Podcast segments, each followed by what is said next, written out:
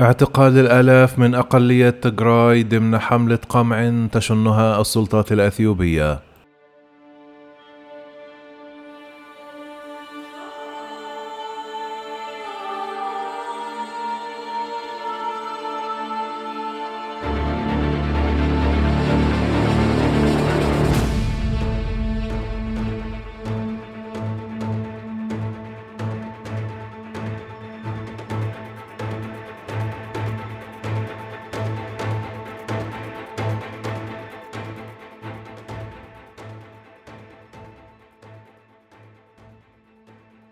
تسوق الحكومة الأثيوبية الآلاف من أفراد عرقية تجراي إلى مراكز الاحتجاز في جميع أنحاء البلاد على أساس تهم الخيانة في حملة مستمرة منذ اندلاع المعارك في الإقليم في العام الماضي.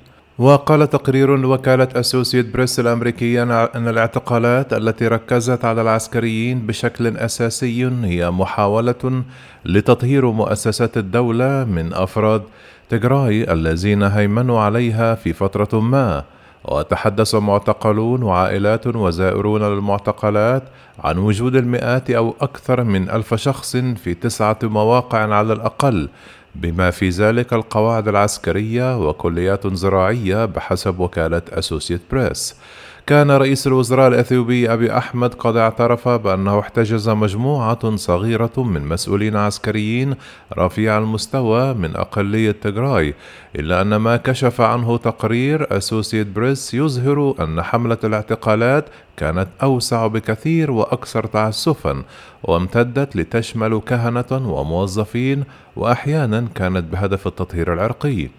قال معتقل عسكري للوكالة الأمريكية أن محتجز مع أكثر من 400 شخص من أقلية تجراي لا يمكن التواصل مع محاميهم حتى العائلات لا تستطيع زيارتهم.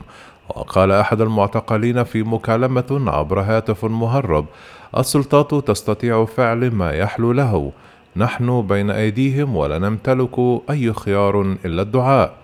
وأوضح التقرير أن الكثير من العسكريين المعتقلين لم يكونوا مقاتلين وإنما تقلدوا مناصب كالتدريس أو الطب وذلك وفقا لخمسة عشر مقابلة أجرتها الوكالة مع معتقلين وأقاربهم بجانب محامين وزوار لمعسكر اعتقال.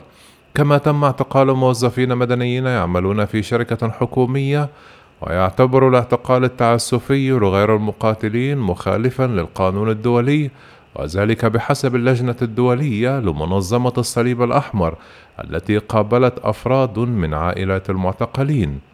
وأوضح التقرير أن ظروف المعتقلين تختلف من مكان إلى آخر لكن بعض المعتقلين لا يحصلون إلا على وجبة واحدة في اليوم فقط فيما يتجمع العشرات في غرفة في ملاجئ مصنوعة من مواد معدنية شديدة الحرارة.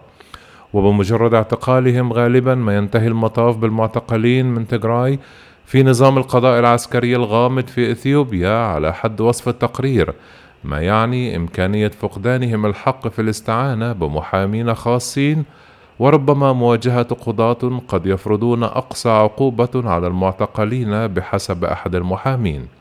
وفي مقطع فيديو مسرب اطلعت عليه أسوسيت بريس ظهر فيه مسؤول عسكري رفيع يقول عن أفراد أقلية تجراي يجب أن نطهر الداخل حتى لو كان هناك أناس جيدون بينهم فإنه لا يمكننا تمييز الجيد من السيء من أجل إنقاذ البلاد.